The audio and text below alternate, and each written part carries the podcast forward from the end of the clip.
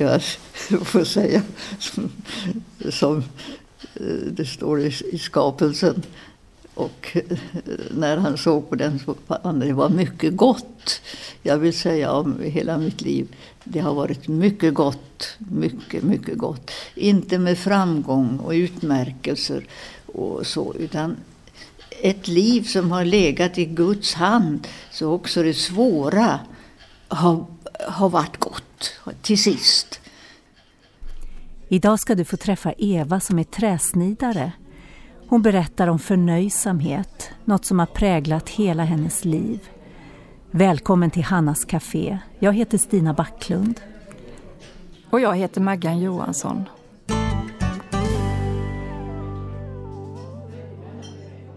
Eva hon säger så här. Vi tycker kanske att det vi håller på med är enformigt. Dag ut och dag in gör vi samma sak. Det kan hända att Gud just i den vardagskallelse vi står i använder oss för något särskilt. För Eva blev hennes vardagskallelse något mycket speciellt. Innan vi släpper fram Eva lyssnar vi till Den signade dag med Anders Widmark Trio.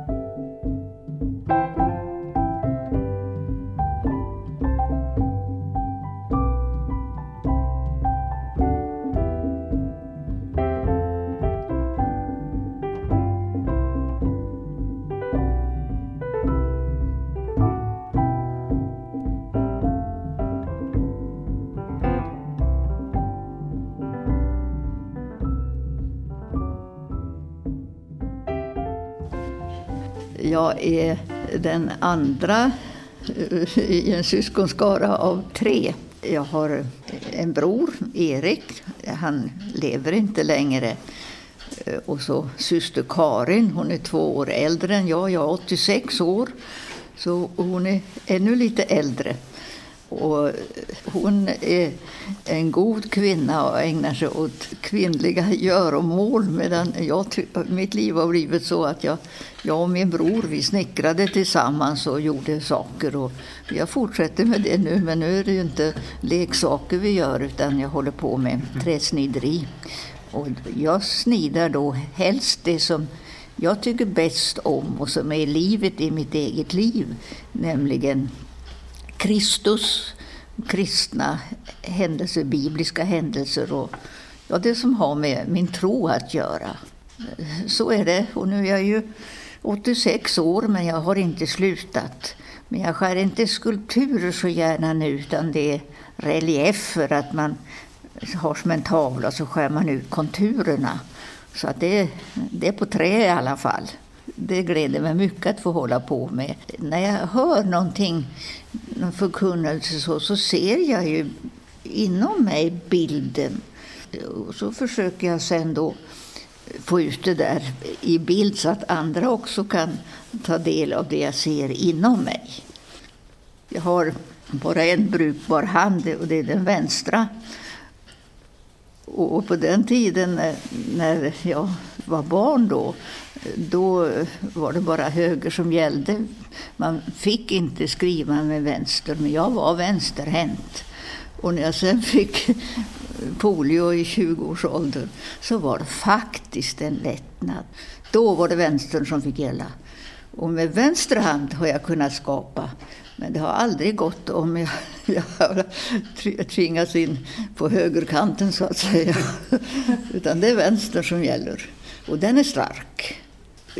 Ja, egentligen skulle jag kunna säga att det största i mitt liv, det, om jag nu får ta det lite ytligt bara, det var just den där händelsen som var så svår men som blev så oerhört bra och välsignad, att jag blev vänsterhänt. Hon kan inte låta bli att tänka på att svårigheterna faktiskt var en hjälp att bli mer den Eva som hon skulle vara.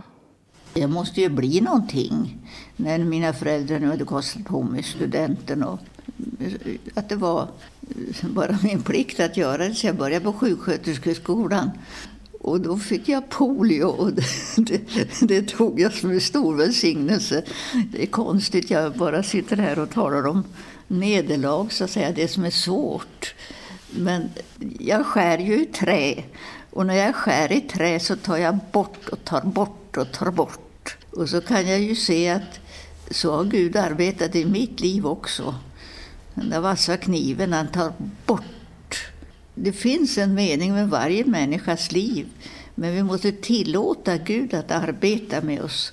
Och nu tog han bort min högra hand som är, är vanställd. Inte så stark. Men till lycka var jag ju vänsterhänt, så det här var ett plus. Ett stort plus. Och så mm, var det ett plus att jag inte fick vara kvar i sjukvården. Man menade att, att jag inte kunde klara av ett yrke då med bara vänster hand. Och på det här sättet kan jag sitta och räkna, räkna upp alltså vad, hur Gud har tagit bort och så har jag förstått vägen, att det var en annan väg. I rummet där vi sitter ser jag olika skulpturer och man kan ana berättelsen som alla dessa figurer vill förmedla. Utanför huset hörs Evas åsnor gnägga. Hon reser sig för att hämta sin första tavla som hon gjorde av en cigarrlåda som var fylld med godis och som hon fick när hon var sjuk. Ja, nu håller jag den här tavlan i, handen. Och den är alltså gjord på Epidemisjukhuset i Uppsala. Och först så eh, fick jag, när jag fick den där eh, lådan med godis, eh, så tänkte jag att jag skulle göra julänglar i, i papp. Och så fick jag tag på någon kartong som någon hade kastat. Och så satt jag med en, en pennkniv och skar ut änglar på baksidan här nu av den här cigarrlocket. Och det syns så tydligt att det är skuret. Det är runt, runt, runt om här så är det många, många änglar som har blivit till på den här plattan. Och så på den andra sidan då skar jag ut Jesus när han bär korset. Och då måste jag nog ha haft något, något träsnida järn eller något för att så här pass fina ytor som det är på den här tavlan går det inte med bara en kniv. Men sen så blev det mer och mer eh, av det här med träsnideri och jag tyckte det var så fantastiskt roligt. Det här att jag fick polio det, jag sätter det som ett plus i mitt liv. Därför att i och med att man var poliosjuk så fanns det inga krav. Inga krav. Och de krav som jag hade haft förut, de ställde jag ju på mig själv. Hade jag fått eh, skolbildning och, eh, att, och, mina föräldrar gjorde allt. De var, fick offra mycket för att vi tre syskon skulle få utbildning så borde jag ju ge igen något. Men i och med sjukdomen så, så föll alla krav. Och så tänkte jag efter då vad jag skulle kunna ville egentligen. Vad, vad ville jag med mitt liv? Och för att eh, kunna få försörja mig så blev jag tidningsbud. Och för att jag var väldigt morgonpigg och cyklade då i Uppsala först med Svenska Dagbladet. Men det kom inte förrän klockan sex till Uppsala. Men så tog jag Uppsala nya. Då skulle man upp klockan tre. Och jag fick eh, cykla ganska långt utanför Uppsala. Men det här var ett, ett härligt liv. Det, det gav mig eh, luft under vingarna. Och jag hade psalmboken fast satt på styret så jag satt där och sjöng psalmer fast jag inte kan sjunga. Men vad gjorde det tidigt på morgonen? När det var bara fåglarna som var vakna. Det, det, det, är fina, väldigt fina minnen jag har ifrån tiden som tidningsbud i Uppsala.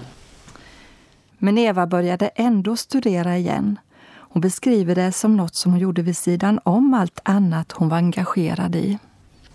Men sen gick jag ju på föreläsningar och försökte sköta den delen.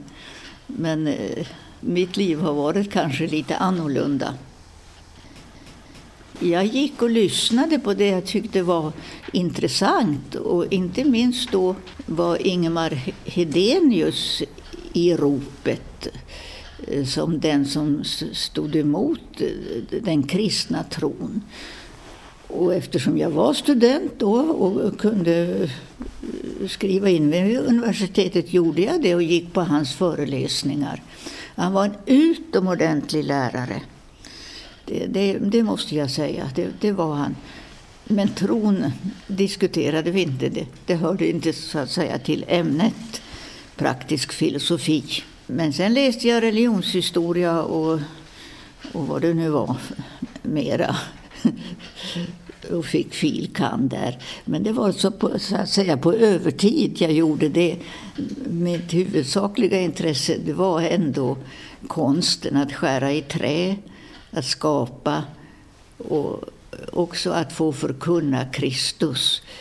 Inte, inte på något eh, sätt inom kyrkan och bara vanligt bland kamrater och bland människor genom att göra tjänster och goda gärningar.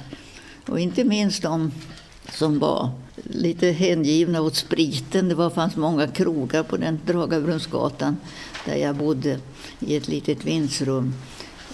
De försökte jag hjälpa bort ifrån spriten och hjälpa så att de kom hem till sina hem. Det var den sociala verksamheten så att säga. Det som jag minst ägnade mig åt det var väl studier, men det gick bra i alla fall. Eva berättar om ett av sina första krucifix. Hon var ung och fick utstå en hel del kritik som gjorde ont ända in i hjärtat. Men tiderna förändrades och idag pryder Evas alster många kyrkor runt om i hela landet. Ja, det, det, känns både ansvarsfullt och själv är man kritisk. Det, det är så oerhört mycket känslor. Jag hade gjort det med hela mitt hjärtas kärlek till Jesus. Och därför är det ju så ömtåligt också när människor undrar över det som jag anser vara mera självklart. Nu var den här Kristusbilden utskuren eh, i helklädnad som var röd, en röd klädnad. Och de frågade, som det faktiskt står i, Bibeln, varför är din klädnad så röd? Och eh, det, det kunde jag väl svara på. Den där röda färgen, det är ju blodets färg. Men om en, era synder är blodröda så kunna det bli snövita. Det finns så många anknytningar till bibelord. Och Jesus bar då på det första krucifixet den röda klädnaden med utsträckta armar och med guldkrona på huvudet, konungarnas konung. Och så flyttade Eva till en röd liten stuga i Småland. Hennes engagemang för andra människor har suttit i hela livet. Och hon kan inte riktigt säga vem det är som egentligen hjälpte vem. För hon tycker att andra har gett henne så mycket. Jag vet inte varför jag ömmar särskilt för dem som har alkoholproblem. För att jag har inte mött det i mitt hem eller så på något vis. Men så var det i Uppsala. Och eh, på något vis så har ja, det, den känslan sitter ju kvar i mig. Och när jag då kunde sen jag fick det här lilla torpet och eh, så var det en man som inte var riktigt nykter och var på Hjälmsrydsstiftelsen som ligger alldeles intill här. Och eh, han fick inte vara där när han inte var nykter och då kom han traskandes till mig. Och då sa jag, men du kan få vara här. Var du här så, ska jag, eh, och så, och så kan du hjälpa mig lite. Och det här visade sig vara en synnerligen intelligent människa. Och han hjälpte mig mycket och sen hade han kontakt med andra alkoholister i Växjö. Så när, när han behövde hjälp då med större saker som vi skulle göra så skjutsade jag honom då till eh, Växjö och där hämtade han eh, yrkeskunniga alkoholister i Linnéparken. Och på det här sättet kom jag i kontakt med hela den världen där i Linnéparken i Växjö. Människor alltså som var eh, alkoholister. Under flera år tog Eva hand om sin mor Rut som var dement.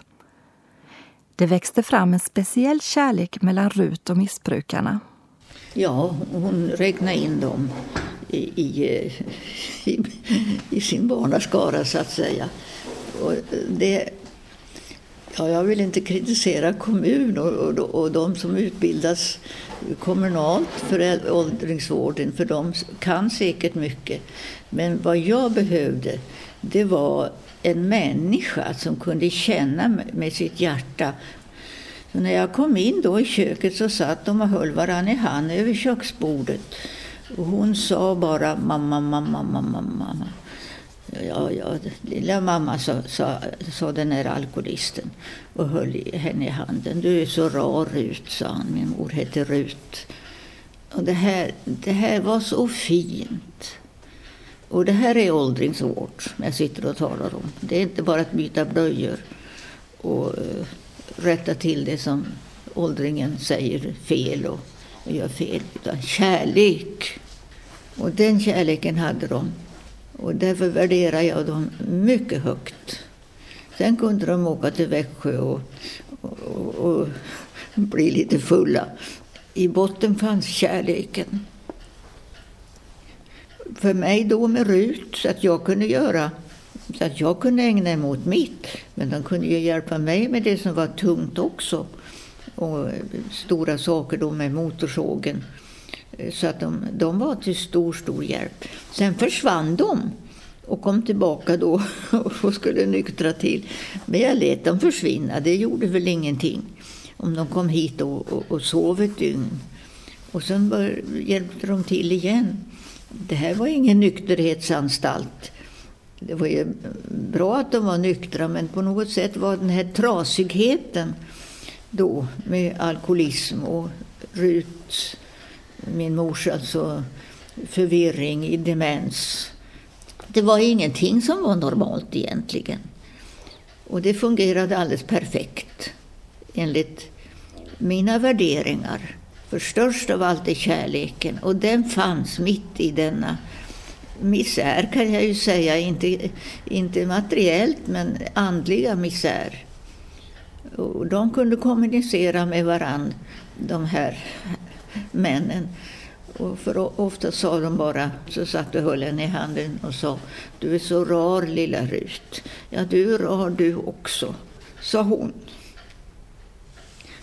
Ja, det här är alkoholistvård.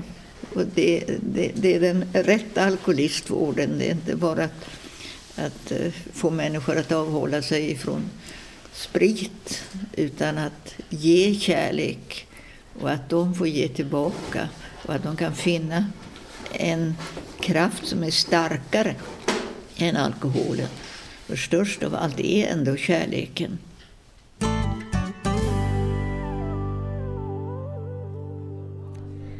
Tänk att när man är 86 år gammal kunna säga att livet har varit mycket gott, även om allt inte har varit enkelt. Ja, det är något att tänka på. Efter musiken ska du få höra mer av Eva som förkunnar i trä. Vi lyssnar till en sång från Tessé. Jag vill lovprisa Gud.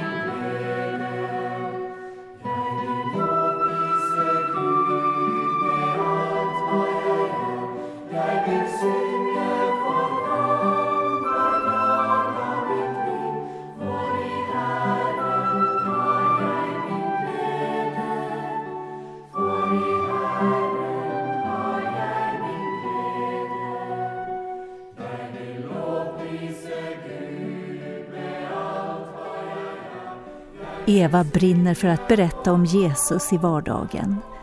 Under årens lopp har tusentals människor fått höra Eva berätta om det som betyder allra mest i livet. Det kommer bussar hit ibland och vill se på ett stort tempel, Jerusalems tempel, som Eh, alkoholisterna och jag försökte på bästa sätt att bygga här på en klippa, templet i Jerusalem.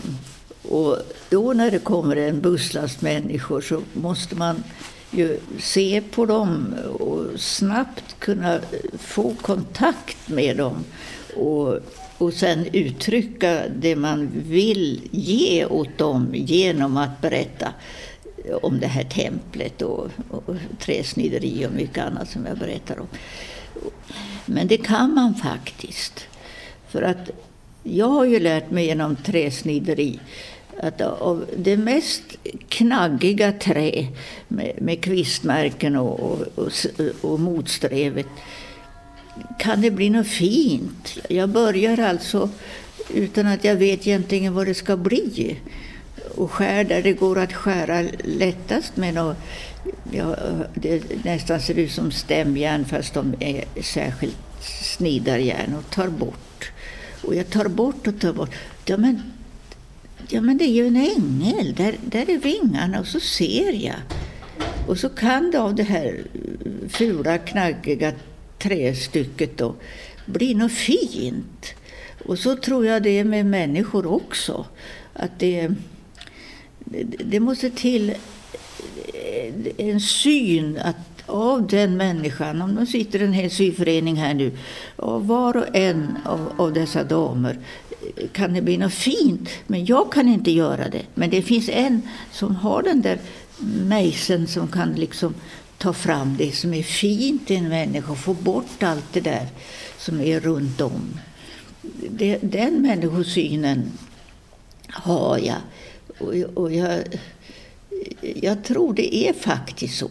Om man tänker på sitt eget liv så har ju den där mejseln varit framme. Och det har gjort ont, men jag tackar Gud för det som verkligen har varit så svårt. Nu är det inte svårt, nu har jag ju förstått att det ledde till något gott. Jag vill vara ett redskap i Guds hand.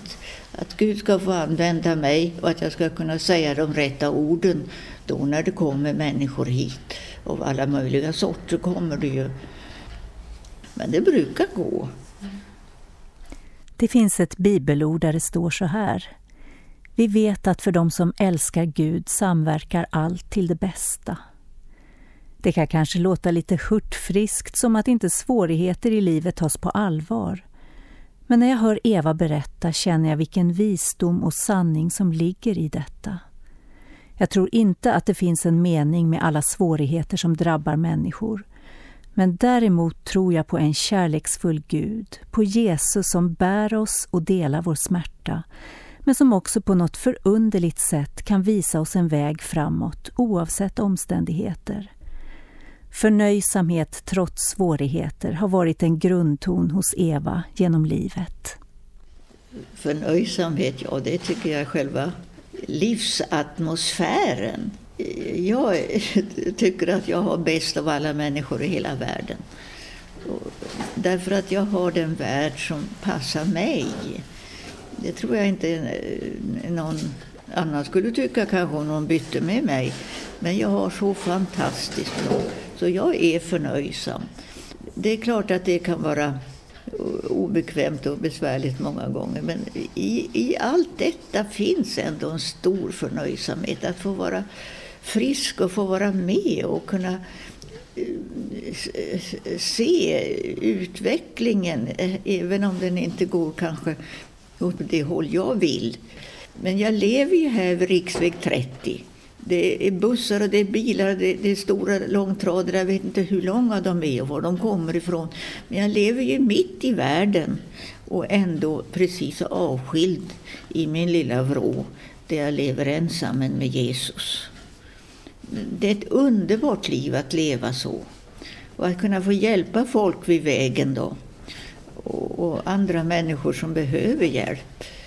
och, och, och sen själv få, få vara ensam men där inne i mitt, min lilla stuga och skapa.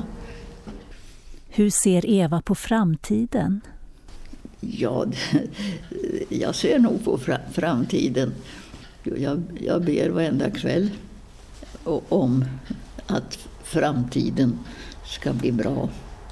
Och det betyder att jag tror det är en kväll, eller kanske det är på natten, att Jesus kommer och han säger Kom nu Eva, nu ska vi gå hem till den stora festen. Vi ber tillsammans. Tack Jesus att du har lovat att vara med oss alla dagar, även de mörka och svåra. Tack för din kärlek och ditt ljus. Jag ber att du ska visa en väg framåt, där något gott kan växa fram, även om livet inte blev som vi tänkte oss. Amen. En liten stund med Jesus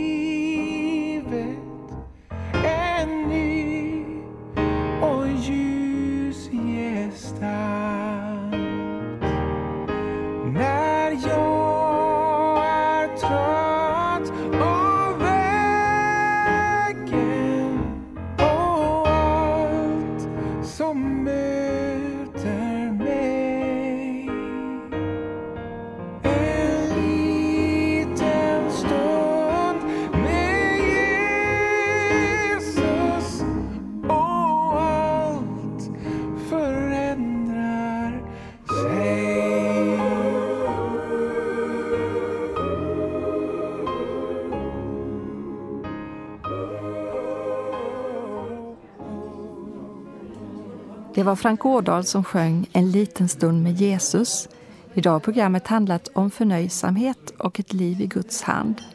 Du har fått träffa Eva som har betytt och betyder väldigt mycket för andra människor.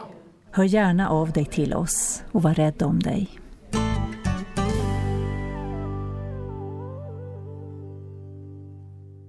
Hannas Café är producerat av Stina Backlund och Maggan Johansson för Norea Radio Sverige med adress Östergatan 20 262 31 i Ängelholm. Mailadress ph norearadio.se och webbadress www.hannascafé.se